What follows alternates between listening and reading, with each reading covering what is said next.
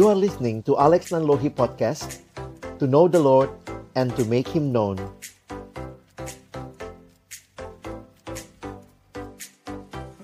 Shalom semuanya, selamat malam. Kembali lagi bersama saya dengan Boas Tony dari Lembaga Bara Digital Ministry. Kita bersyukur malam hari ini kita kembali live dan bergabung dengan hambanya, Pendeta Alexander Agus Elias Nanlohi. Biasanya dipanggil dengan sebutan Pendeta Alex. Mungkin sebagian rekan-rekan sudah mengenal beliau. Beliau merupakan seorang wakil sekjen Perkantas Nasional. Jadi rekan-rekan yang ada di Perkantas pasti sangat mengenal uh, Pendeta Alex. Dan malam hari ini kita akan membahas satu topik yaitu mengalami Allah yang beserta manusia. Mengalami Allah yang beserta manusia. Mungkin rekan-rekan selama ini uh, ada yang bertanya seperti apa sih mengalami Allah dan bagaimana sih aplikasinya dalam kehidupan kita dan apa yang dirasakan, apa yang uh, dijalani kehidupan sehari-hari dan di mana kita terus mengalami Allah yang beserta dengan kita. Kita bersyukur malam hari ini kita akan mendengarkan penjelasan dari hambanya dan seperti biasa rekan-rekan juga nantinya bisa memberikan pertanyaan atau komentar dan langsung tuliskan di kolom komentar Selepas dari penjelasan nambahnya, kita akan bersama-sama diskusi atau menyampaikan apa yang menjadi pertanyaan dari rekan-rekan semua. Saya akan awali terlebih dulu dengan doa dan setelah itu kita akan bergabung dengan hambanya. Kami sungguh bersyukur ya Bapak karena kami tahu bukan secara kebetulan kalau kami boleh bersama-sama menyaksikan pelayanan ini. Tuhan urapi hambamu dan setiap kami yang mendengar bisa mengerti dengan baik media yang kami gunakan, baik internet, baik aplikasi maupun semua ya Bapak, kiranya berfungsi dengan baik supaya setiap kami dapat mendengarkan dengan baik siaran ini. Terima kasih ya Bapak, kami berdoa menyerahkan semuanya di dalam nama Tuhan Yesus Kristus kami berdoa. Amin. Baik kita langsung bergabung dengan hambanya. Shalom Pendeta Alex. Shalom Pak Buas Tony dan baik kami persilakan Pak. Ya. Bapak Ibu yang dikasihi dalam Tuhan Yesus Kristus, kita bersyukur kita masuk di dalam masa-masa menantikan Natal. Dan hari ini kita berbicara tentang mengalami Allah yang beserta manusia. Sebagaimana kita pahami dan juga kita sering dengar di masa Natal ini dari Injil Matius pasal yang pertama ayat yang ke-23.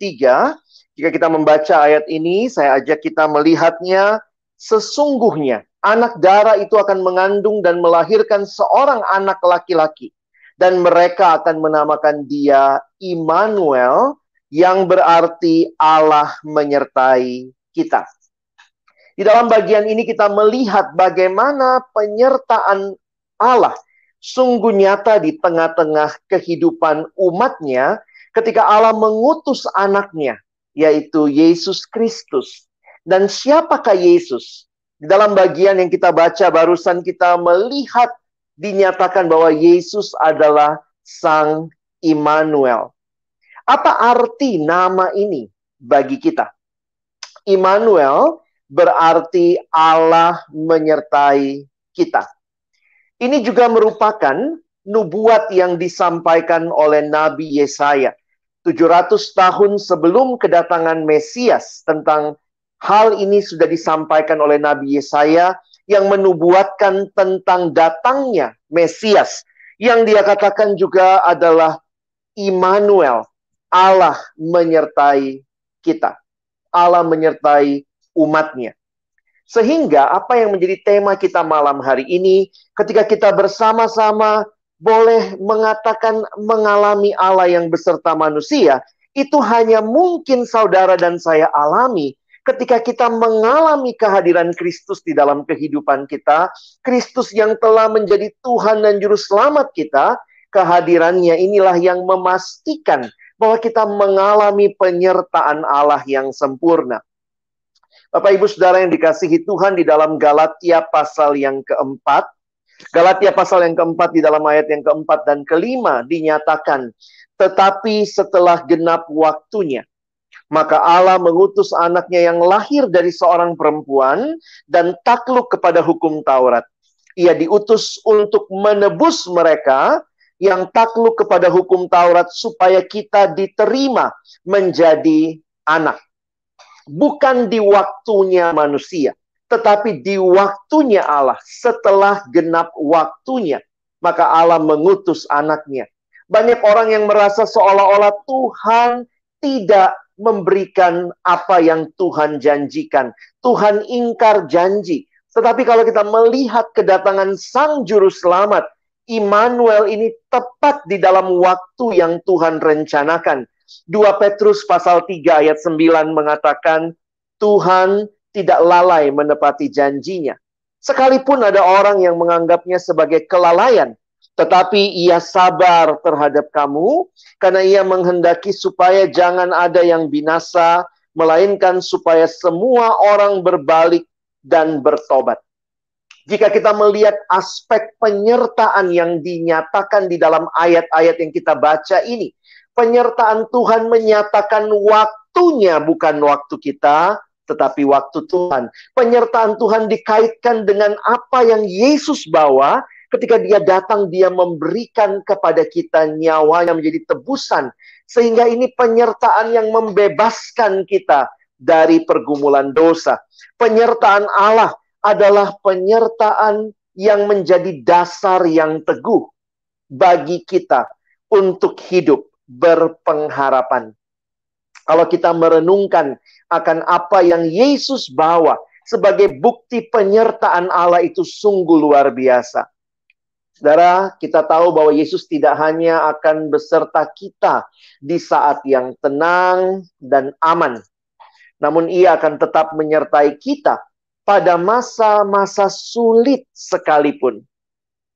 Mungkin kita berkata bahwa Yesus sudah naik ke surga, dia sudah tidak bersama-sama kita secara fisik saat ini. Betul.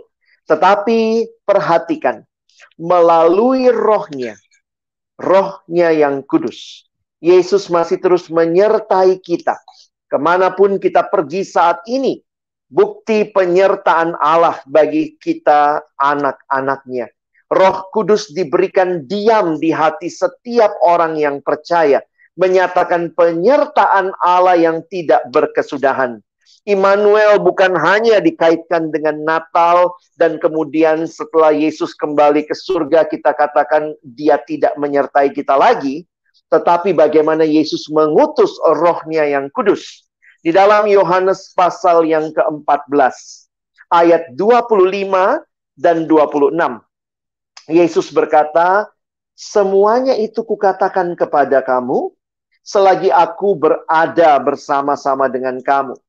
Tetapi penghibur, yaitu Roh Kudus yang akan diutus oleh Bapa dalam namaku, dialah yang akan mengajarkan segala sesuatu kepadamu dan akan mengingatkan kamu akan semua yang telah kukatakan kepadamu. Bapak Ibu Saudara yang dikasihi Tuhan, kehadiran Roh Kudus, penghibur yang diam di hati setiap yang percaya, menyatakan penyertaan Allah yang tidak berkesudahan dalam kehidupan setiap kita yang percaya. Perhatikan, Roh Kudus dikatakan akan mengajarkan segala sesuatu kepadamu dia adalah roh kebenaran. Dia juga akan mengingatkan kamu akan semua yang telah kukatakan kepadamu. Berarti Roh Kudus juga memimpin kita memahami apa yang menjadi kehendak Allah. Jangan berpikir penyertaan Allah seolah-olah ya yang penting saya untung. Wah, saya tadinya lakukan itu tidak ketahuan. Puji Tuhan, Allah menyertai. Penyertaan Allah tentunya bukan di dalam hal-hal seperti itu, tetapi di dalam kebenaran, di dalam penyertaan yang sesuai dengan kehendaknya. Di sini kita melihat Roh Kudus disebut penghibur. Dalam bahasa asli Alkitab Perjanjian Baru bahasa Yunani dikatakan dia adalah parakletos. Nah, dalam bahasa sehari-hari artinya seseorang yang dipanggil untuk mendampingi di pengadilan. Sehingga juga banyak yang mengatakan ini seperti seorang advokat ya, seorang uh, pengacara yang mendampingi. Makanya dikatakan Roh Kudus adalah penghibur yang hadir menyertai kita dan tidak meninggalkan kita.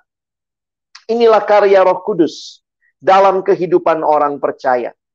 Karya Roh Kudus dalam kehidupan orang percaya sangatlah penting karena tanpa pertolongannya mustahil seseorang dapat memasuki dan menjalani kehidupan Kristen yang benar. Bapak, ibu, saudara yang dikasihi Tuhan, jika kita melihat pengajaran ini, maka tentunya tema kita malam hari ini yang kita mungkin bertanya, bagaimana kita meyakini Allah masih menyertai kita saat ini melalui kehadiran dan karya Roh Kudus yang diam di hati setiap kita yang percaya. Ini masa-masa yang tidak mudah. Kita masih mengalami pandemi. Ketika dilakukan sebuah survei, maka ditemukan ada begitu banyak ketakutan yang dialami oleh orang-orang. Nah, di dalam satu survei yang saya baca, ada tiga ketakutan teratas yang muncul dalam top 3-nya ya. Pertama adalah takut akan masa depan. Kita tidak tahu apa yang akan terjadi di depan, kita tidak tahu apa yang harusnya nanti kita persiapkan untuk masa depan yang memang kita masih belum tahu, masih belum jelas. Fear of the future. Yang kedua adalah ketakutan akan kegagalan. Fear of failure. Ini juga menjadi satu ketakutan yang dialami oleh banyak orang di masa-masa termasuk pandemi seperti ini. Takut melangkah, takut gagal, dan juga yang ketiga, ini menarik sekali, adalah takut kesepian. Jadi di tengah-tengah dunia yang sangat syarat dengan media sosial, mungkin orang bisa punya begitu banyak teman di media sosial, tetapi merasa kesepian. Nah, di sini kadang-kadang kita berkata, "Tuhan, di manakah Engkau?" Tapi ingat, penyertaan Tuhan bukan berarti kita tidak pernah mengalami pergumulan. Karena Tuhan tidak pernah berjanji bahwa hidup tanpa pergumulan. Lalu apa yang Tuhan janjikan? Dia berjanji, dia berjalan bersama dengan kita di tengah-tengah pergumulan yang dialami. Kenapa? Karena dialah Sang Immanuel. Yesus berjalan bersama kita. Apa indahnya kehidupan? Indahnya kehidupan bukanlah karena kita hidup tanpa masalah tetapi keindahan hidup ketika di tengah-tengah masalah yang paling berat sekalipun kita sadar Yesus hadir dan berjalan bersama kita. Dia menyatakan kepada kita jangan takut. Dan di dalam Alkitab ada 365 kali frasa jangan takut. Kalau satu tahun kita ambil janji Tuhan itu setiap hari satu setiap hari, jangan takut. Sehingga mungkin sebagai penutup aplikasi praktis, bagaimana lalu kita menyadari kehadiran Tuhan di masa pandemi, di masa-masa sulit, di masa kita terpuruk? Maka ingatlah, Tuhan hadir, Tuhan menyatakan dirinya, Tuhan menyatakan kehendaknya. Salah satu dan ini utama adalah di dalam firman-Nya. Bapak Ibu Saudara yang dikasihi Tuhan, milikilah relasi yang hidup dengan Tuhan di dalam membaca dan merenungkan firman Tuhan. Firman Tuhan menjadi pedoman bagi kita di tengah-tengah situasi yang sulit. Firmannya dikatakan adalah pelita bagi kaki kita, terang bagi jalan kita. Banyak situasi yang berubah, kadang-kadang kita tidak tahu bagaimana. Bahkan sering kali perasaan kita pun menjadi perasaan yang kayaknya Tuhan tidak mening tidak menyertai saya, kayaknya Tuhan sedang meninggalkan saya. Seringkali pergumulan hidup membuat kita mencurigai Tuhan. Tetapi yang kita pegang bukan perasaan. Orang Kristen tidak dipimpin oleh perasaan. Karena perasaan itu berubah-ubah, saudara ya. Hari ini kita rasa Tuhan dekat. Besok rasa Tuhan jauh. Bukan perasaan yang menentukan kedekatan atau jauhnya Tuhan, tetapi iman kita dan iman itu timbul dari pendengaran akan firman Tuhan.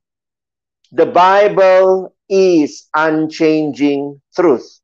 Alkitab adalah kebenaran yang tidak berubah. Sehingga kalau kita baca di Alkitab, Allah menyertai kita, Yesus menyertai kita, itu janji Tuhan.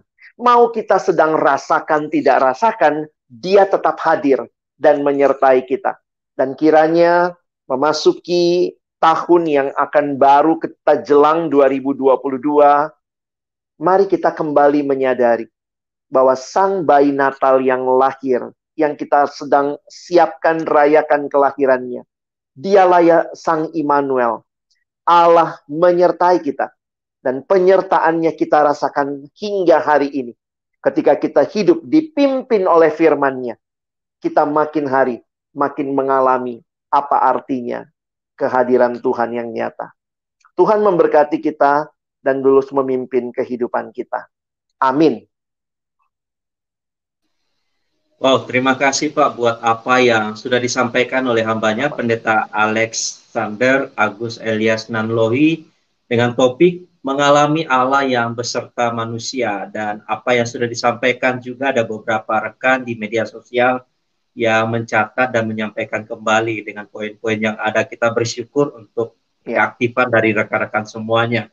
Baik, kita langsung Pak ke pertanyaan karena Baik, memang Pak. waktu kita terbatas ketika live seperti ini, Pak.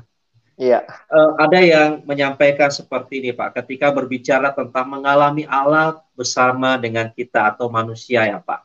Iya. Lalu yang menjadi pertanyaan adalah, apakah benar bahwa Allah itu bisa jauh atau memang selalu dekat, Pak? Justru karena perasaan kita saja yang jauh. Misalnya, Pak, ketika kita jatuh dalam dosa, itu ada perasaan, iya. wah Allah meninggalkan dan dan kita itu merasa bahwa hidup kita sendiri seperti tiga poin tadi Pak ada gagal kesepian dan masa yeah. depan yang terasa suram Pak. Nah, bagaimana dengan hal ini Pak? Dan ketika mengalami hal ini, apa sih yang harus kita lakukan Pak? Karena hmm. Kita sudah baca Alkitab, kita mendengarkan khotbah, kita mencoba untuk cari seorang hamba Tuhan yang menolong setiap kita untuk mungkin memberikan konseling, tetapi perasaan itu tetap ada, Pak, bahwa Allah itu kayaknya iya. meninggalkan. Iya. Nah, sebagai anak Tuhan, dalam hal ini apa yang harus kita lakukan, Pak? Iya, Pak. Saya menyadari bahwa memang pergumulan hidup yang tidak mudah membuat kita sering kali, ya karena manusia ini utuh ya. Kita punya pikiran, kita punya perasaan, kita punya tindakan. Tapi jangan lupa bahwa ini semua juga sudah jatuh dalam dosa. Semua manusia berdosa, termasuk dari ujung rambut sampai ujung kaki. Karena itu, perasaan bukan penentu kebenaran. Karena perasaan bisa berubah. Hari ini kita rasa Tuhan dekat karena kita lagi sukses, lagi aman. Besok ada pergumulan, kita rasa Tuhan jauh. Apakah Tuhan kayak layangan? Kalau kita tarik, dia dekat. Kalau kita ulur, dia jauh. Tidak kita melihat bahwa perasaan kita bukan penentu kebenaran, karena itu mari didik perasaan kita untuk terus ditaklukkan di bawah kebenaran firman Tuhan. Nah, memang ini yang kita kadang membutuhkan apa ya, Pak Pak Pak Bos tadi sudah bilang, wah kita sudah berdoa, kita sudah baca Alkitab, kita sudah rasanya sudah lakukan semua. Tapi ya di sinilah kita butuh sebenarnya juga ingat komunitas kita butuh orang-orang lain yang kepadanya kita bisa sharing, bisa mendukung dalam doa, bisa mengingatkan kita. Karena sekali lagi, hidup dalam Tuhan, hidup benar dalam Tuhan, kita butuh bersama-sama memperjuangkannya. Nah, jadi uh, saya harus ingatkan bahwa memang ini proses ya Pak, tidak mudah, tidak uh, tidak gampang, tapi bukan berarti tidak mungkin. Karena itu, mari izinkan firman Tuhan terus ya mengubah hidup kita. Saya kasih contoh sederhana. Saya sering kali pimpin kebaktian anak-anak SMA menjelang ujian nasional. Nah, biasanya waktu ujian nasional itu kemudian saya coba tes, tanya mereka. Nah, ini pertanyaan umum, saya tanya sama mereka. Kalau kalian semua lulus ujian nasional, Tuhan baik? Wah, semua langsung jawab, baik, gitu ya. Terus saya tanya lagi, kalau kalian tidak lulus ujian nasional, Tuhan baik? Da, da, da, bingung jawabnya, Pak. Karena kita punya konsep kalau saya mengalami yang baik, Tuhan jadi baik. Kalau saya mengalami yang tidak baik, oh Tuhan lagi tidak baik. Jadi sebenarnya yang berubah itu bukan Tuhan, tetapi situasi dan kondisi kita. Karena itu, di tengah perubahan situasi, perubahan kondisi, naik turunnya kehidupan, perasaan yang berubah-ubah, kita butuh pegangan. Dan firman Tuhan itulah yang tidak berubah yang menuntun kita. Mungkin itu, Pak. Ini menarik, Pak, ketika berbicara situasi dan kondisi, Pak. Ada yang bertanya ya. demikian sebenarnya situasi itu apakah dapat mengubah janji Tuhan, Pak? Ketika di mana kita mungkin ada saat di mana kita kayak melupakan Tuhan, kita jarang yeah. ibadah, berdoa, dan sebelumnya kita meyakini bahwa ada janji Tuhan buat hidup kita. Hmm. Dan pada akhirnya ketika kita dalam situasi itu kita kayak merasa bahwa kayaknya ada saat di mana Tuhan itu mengubah janjinya hmm. dalam hidup kita. Mungkin ada Mungkin ada gambaran dari hambanya. Kalau saya lihatnya begini Pak, ya bukan janji Tuhannya yang berubah, tetapi kitanya yang berubah. Jadi bisa jadi misalnya kita ngotot sekali, pegang janji Tuhan, wah Tuhan kasih berkat, Tuhan kasih kelimpahan. Tetapi waktu kita jalani prosesnya, kita tahu bahwa bukan Tuhan tidak tidak sanggup memberikan janjinya, tetapi sering kali janjinya itu melampaui apa yang kita pikirkan. Mungkin kita pikirnya, oh kalau saya dapat kesuksesan, punya uang yang banyak, wah Tuhan baik, Tuhan berjanji, saya pegang janjinya. Tetapi waktu kita jalani, ternyata Tuhan ajarkan yang lebih penting bukan berkatku, tetapi diriku, bukan berkatku saja. Sehingga akhirnya kita melihat, wow, saya mungkin tidak dapat kelimpahannya, tapi saya dapat keyakinan penyertaan Tuhan, bahkan dalam situasi yang sulit. Maka bagi saya yang berubah bukan janjinya, Pak. Tapi Tuhan sedang mengubah diri kita untuk mengalami janji-janjinya secara lebih nyata melalui berbagai pergumulan hidup. Nah, saya pikir itu indahnya hidup beriman. Kadang-kadang kayak anak kecil ya. Kita pikir yang paling penting itu adalah ini. Kalau kita masih kecil ya, paling penting adalah dapat permen. Tapi makin kita bertumbuh dewasa, kita tahu bahwa kita butuh asupan nutrisi yang lain. Nah, sering kali sebagai anak kecil kita taunya berkat Tuhan, berkat Tuhan. Kita pegang janji itu. Tapi Tuhan mau kasih kepada kita yang jauh lebih daripada sekadar berkatnya. Dan karena itulah saya lihat bukan Tuhannya yang berubah, bukan janjinya yang berubah, tetapi Tuhan mengubah kita. Mungkin ini istilah dengan yang disebut bahwa Tuhan nggak pernah berubah ya Pak. Betul. Iya. Tapi Tuhan lagi mengubah kita Pak. Itu itu yang menarik. Amin. ya ada pertanyaan kita. Mungkin ini juga menjadi sebuah kepergumulan Pak dari YouTube ya. Rosemary ya. ya. Dia akan menyampaikan seperti ini.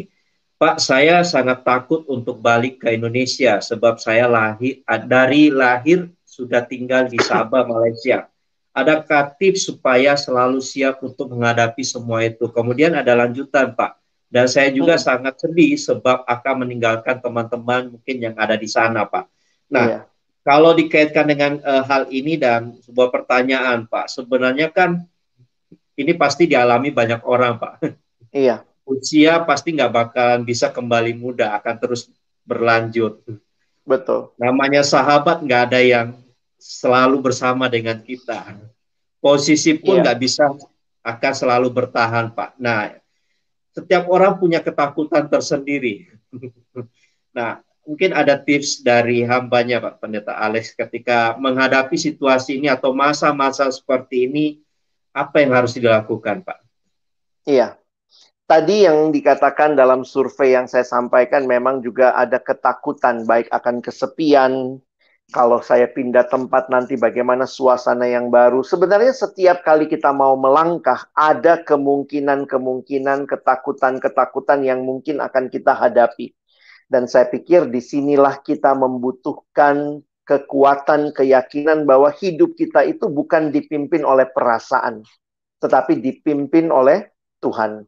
Nah karena itu saya pikir begini ya untuk Bapak, Ibu, atau saudara yang mengalami pergumulan-pergumulan melangkah maju, kita membutuhkan pertama firman Tuhan yang meneguhkan kita untuk langkah kita maju. Yang kedua, kita juga butuh untuk mendengar masukan dari orang-orang yang mengenal kita. Saya pikir juga Tuhan berbicara bukan hanya lewat firman-Nya, tapi juga lewat komunitas. Jadi misalnya kalau mau pindah, coba tanya orang-orang yang kenal dengan saudara, orang-orang yang mungkin teman gereja, teman seiman, orang-orang yang care dengan hidup saudara, pertumbuhan saudara, maka dengarkan pertimbangan mereka. Tetapi memang pada akhirnya kita sendiri yang harus memutuskan. Jadi kalau kita sudah bergumul, kita dapat firman Tuhan yang meneguhkan, kita juga dengar masukan-masukan dan akhirnya kita lihat, oh saya bisa lewati semua ini, kita memutuskan, maka kalau kita sudah memutuskan harusnya kita fokus kepada Tuhan. Bahwa ketakutan kita janganlah membuat kita jadi tidak melangkah, ketakutan kita janganlah membuat kita melihat Tuhan itu kecil. Ingatlah, dia Allah yang besar, dia pencipta alam semesta, dia pencipta hidup saudara, dia sanggup pimpin saudara. Nah, karena itu eh, jangan terus pandang ketakutan kita, tapi bawa ketakutan kita kepada Tuhan dan serahkan kepada Tuhan. Nah, mungkin itu yang saya bisa ingatkan dan waktu masuk ke lingkungan baru, jangan lupa buru-buru cari persekutuan gereja, saudara-saudara seiman yang menjadi keluarga rohani saudara. Saya pikir itu penting untuk saudara-saudara yang pindah ke lokasi yang lain. Mungkin itu jangan dilupakan ya. Kadang-kadang kita begitu pindah langsung sibuk bekerja segala macam, kita sampai lupa untuk mencari tempat kita bersekutu dan beribadah. Oh, terima kasih ini diingatkan kembali buat setiap rekan-rekan di mana pun berada Ya. Jangan lupa bahwa persekutuan itu dapat membuat kita lebih dekat dengan Tuhan dan justru mengingatkan Benar. kita untuk selalu fokus kepada Tuhan. Nah, ada pertanyaan Pak dari rekan kita di Facebook mm di koleksi novel dengan rekan kita koleksi novel Pak. Pak, pada mm saat saya berubah di zona nyaman, tapi saya merasa jauh dari Tuhan. Jadi saya bisa uring-uringan, tidak merasa sukacita di hati. Adakah tips agar selalu fokus kepada Tuhan. Memang kalau berbicara tentang hmm. fokus kepada Tuhan itu setiap kita punya pergumulan sendiri, Pak. Betul, betul. Baik. Nah, di sinilah saya pikir justru kalau kita kenal diri kita, seperti yang Pak Bos Tony katakan tadi, setiap kita punya pergumulan masing-masing, kita mesti tahu pergumulan kita itu apa dan bagaimana mengatasinya. Nah, ini untuk setiap orang sih mungkin berbeda-beda. Ada orang yang mungkin membutuhkan orang lain untuk mengingatkan. Ada orang-orang yang mungkin cukup berdiam sebentar, dia bisa fokus lagi. Tetapi saya suka membayangkan seperti gitar ya. Saya membayangkan hidup itu seperti gitar yang kalau kita mau mainkan agar bisa dimainkan dengan baik, perlu kita stem, kita stel nadanya ya. Karena kalau enggak, nadanya turun. Eh, taunya waktu lagi main fals sering kali kita bisa jadi fals dalam kehidupan karena jarang nyetem, jarang kita setel. Karena itu mari setel terus hidup kita senada dengan Tuhan. Makanya ketika kita bangun pagi, kita baca Alkitab setiap hari, kita berdoa, kita bersekutu, kita membaca buku rohani, kita mendengarkan siaran-siaran rohani seperti ini, itu menjadi kesempatan Tuhan terus nyetem hati kita supaya nggak fales. Nah, di sini saya pikir karena itu jangan cuma cari Tuhan pas lagi butuh. Karena sebenarnya seperti sebuah pujian mengatakan, ya Tuhan tiap jamku memerlukanmu. Kita tuh butuh Tuhan setiap waktu. Nah karena itu, uh, ya buat kita yang waktu saya lagi di zona nyaman, kok rasanya saya jauh dari Tuhan. Nah kita mungkin mesti membiasakan diri. Nah, ini yang dikatakan pentingnya membangun disiplin rohani setiap hari. Apa yang kita lakukan setiap bangun? Cari HP, balas pesan, balas email kantor, atau begitu kita bangun ya kita membiasakan diri berdiam sebentar, berdoa, berserah kepada Tuhan, lalu kita jalani hari kita. Saya pikir kita perlu membangun disiplin-disiplin untuk terus bisa fokus sama Tuhan. Jadi tipsnya itu, bangunlah disiplin rohani yang didasari dengan pengenalan kita kepada diri kita. Wah ini uh, saya pikir luar biasa apa yang sudah disampaikan dan juga buat kita yang bisa menyaksikan malam hari ini Pak. Ini nggak ya. terasa Pak, waktu kita sudah di penghujung. Tetapi memang kalau berbicara tentang pertanyaan cukup banyak Pak. Mungkin saya akan rangkumkan saja Pak, mewakili rekan-rekan. Ya.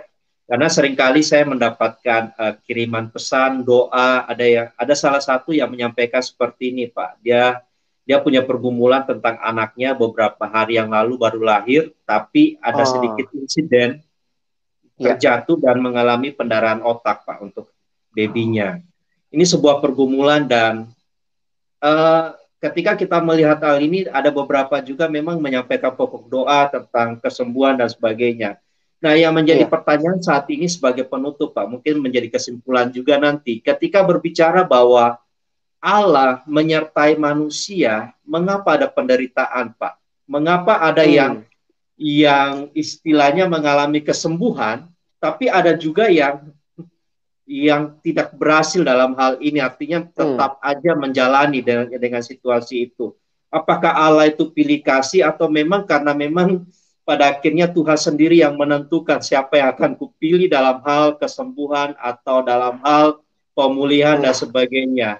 Dan dalam hal ini ketika berbicara tentang penyertaan Tuhan di situasi seperti ini sebenarnya apa sih ya menjadi uh, inti Pak penyertaan Tuhan di tengah kesulitan ketika berbicara tentang hal ini tadi Pak. Mungkin sebagai penutup juga ya. dari hambanya. Baik. Baik Pak, ini pasti pertanyaan yang tidak bisa saya jawab dengan cepat dalam waktu yang terbatas, butuh perenungan, butuh per, pe, apa ya pemikiran yang mendalam.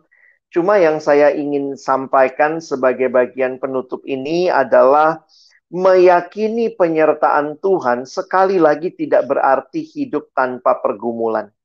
Jadi penyertaan Tuhan bukan berbicara kehidupan tanpa pergumulan.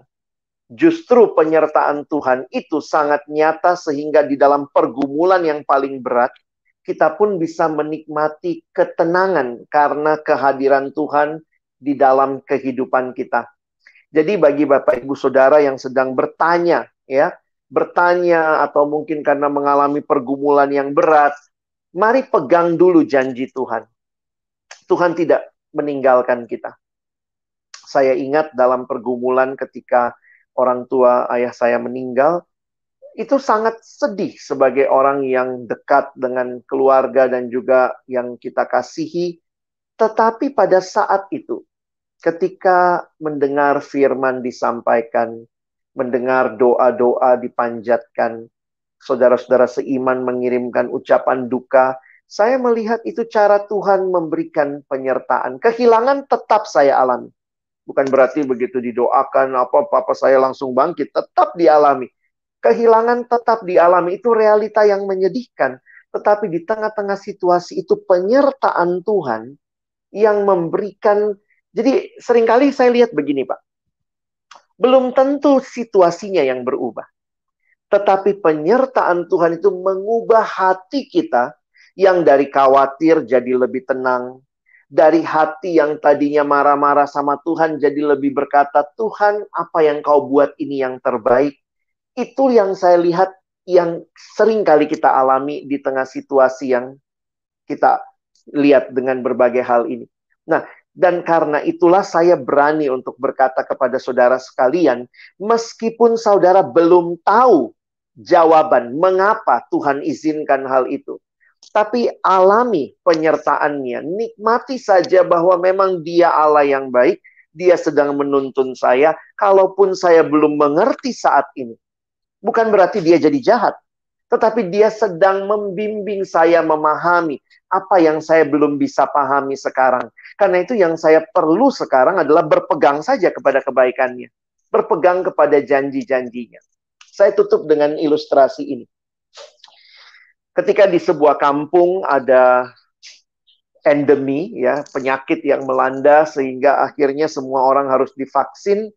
Ada seorang anak kecil yang harus divaksin. Dibawalah sama mamanya ke dokter dan ketika dibawa ke dokter, anaknya itu begitu tahu dia dibawa ke dokter, wah dia nangis. Dan kemudian sebagai anak kecil yang lihat jarum suntik aja udah nangis, lalu dia lihat mamanya menyerahkan dia ke perawat, lalu kemudian mamanya sambil ketawa-ketawa, sambil videoin begitu ya, melihat anak kecil ini dia nangis, dia dikasih ke perawat, lalu dokter keluarkan jarum suntik, lalu kemudian dokter menyuntikkan sama dia, anak ini tambah nangis, tambah marah. Dan dia lihat mamanya ketawa-ketawa begitu ya. Dan kemudian mamanya sama dokter ngobrol-ngobrol lagi ya. Si anak kecil ini nggak ngerti, tetapi kemudian dia benci sama mamanya. Mama jahat, mama kasih saya disuntik. Bahkan setelah pulang, anak itu digendong mamanya, dia masih mukul-mukul mamanya, dia marah dan uh, dia lihat lagi mamanya kasih duit lagi sama dokter ya sebagai ongkosnya. Wah, tambah kesel. Anak kecil dalam keterbatasan dia mengerti, dia taunya mamanya jahat. Lalu yang terjadi kemudian ketika pan, uh, endemi itu melanda desa, banyak anak kecil seusianya meninggal. Tapi anak ini bertahan. Karena apa? Hal yang menyedihkan, yang menyakitkan, yang dia rasa mamanya jahat, ternyata itu hal yang baik yang mamanya sedang lakukan sehingga anak ini bisa bertahan hidup. Bapak, Ibu, Saudara, saya tidak tahu pergumulan saudara dan bagaimana saudara menanggapi itu termasuk mungkin saudara lagi marah sama Tuhan, saudara lagi kecewa sama Tuhan, saudara bilang Tuhan nggak baik, kenapa Tuhan biarkan, kenapa Tuhan izinkan. Tapi percayalah, ada hal yang di luar pemahaman kita. Seperti anak kecil yang mungkin sedang marah. Tetapi di balik itu, sebenarnya anak itu harusnya pegang saja. Mamaku adalah mama yang baik, yang tidak pernah akan membiarkan aku. Seperti itu juga Tuhan bagi kita. Dan saya pikir di sinilah kita butuh terus hidup beriman, hidup pegang firman, hidup berkomunitas untuk membangun iman kepada Tuhan. Oh, terima kasih Pak sebuah penjelasan dan sekaligus memang uh, motivasi atau ungkapan buat kita semua yang menyadarkan kita bahwa Tuhan selalu beserta dengan kita dalam kondisi apa pun. Kita bersyukur dan di kolom komentar ada beberapa komentar yang masuk di mana ada dari rekan kita Loren. Kita coba lihat uh, sebagai penutup Pak. Dia menyampaikan selalu terkagum dengan kasih Tuhan. Kalau hmm. masih bisa ada sampai bulan terakhir di tahun ini semua hmm. karena anugerah Tuhan. Meskipun tahun ini berduka karena kehilangan rekan-rekan mungkin banyak dari antara kita yang kehilangan rekan-rekan, hmm. tapi kita bersyukur kebaikan Tuhan dan masih banyak yang menyampaikan komentar juga terima kasih apa yang sudah disampaikan dan sangat memberkati pastinya. Thank you buat semuanya yang sudah menyaksikan tayangan ini. Dan rekan-rekan juga perlu saya sampaikan bahwa kita akan langsung upload di YouTube Bara Digital Ministry. Rekan-rekan bisa menyaksikan dari awal penjelasannya dan nantinya bisa juga menyaksikan topik-topik yang lainnya. Baik, seperti biasa di akhir acara kita akan menutup dalam doa. Saya akan persilakan kepada hambanya sekaligus mendoakan setiap kita semua dan program ini. Baik, kami persilakan Pak. Mari kita satukan hati kita berdoa. Kami datang dalam ucapan syukur. Terima kasih banyak Tuhan untuk siaran malam hari ini. Terima kasih untuk Tuhan yang memakai bara digital ministry dengan semua yang bekerja dan juga melayani boleh dipersiapkan dengan baik. Tema malam hari ini membutuhkan iman ya Tuhan untuk kami menyadari bahwa sungguh Engkau hadir dan tidak meninggalkan kami. Kami berdoa di dalam pergumulan-pergumulan yang sulit yang kami alami. Seringkali kami belum bisa memahami, kami meragukan Tuhan, kami kecewa terhadap Tuhan. Tetapi kami pun diingatkan malam hari ini bahwa kehadiran penyertaanmu itulah yang senantiasa ada dan terus boleh menguatkan kami. Karena itu tolong kami bukan berfokus kepada pergumulan dan masalah kami yang besar, tetapi berfokus kepada Tuhan yang besar Tuhan yang hidup, Tuhan yang tidak meninggalkan kami dan berjalan menyertai kami, Tuhan yang memberikan kekuatan kami melalui situasi yang sulit. Karena itu hamba berdoa bagi Bapak Ibu Saudara yang menyaksikan siaran ini di mana saja di tengah pergumulan mereka, ingatkan mereka untuk terus datang dan bersandar kepada Tuhan. Jika ada yang sedang mengalami duka cita, Tuhan hiburkan. Yang sedang lemah, Tuhan kuatkan. Yang juga saat ini sedang melayani, Tuhan topang terus. Sehingga boleh jadi berkat buat banyak orang. Melalui hidup pelayanan pekerjaan kami, biarlah nama Tuhan dipermuliakan. Sekali lagi kami bersyukur untuk siaran malam hari ini. Biarlah penyertaan Tuhan yang kami bicarakan ini bukan hanya kami bicarakan dan pikirkan, tetapi kami alami dalam keseharian kami. Kami menutup seluruh rangkaian siaran ini dalam satu nama yang kudus. Nama Tuhan Yesus Kristus, penebus dan juru selamat kami yang hidup, kami sudah berdoa. Amin.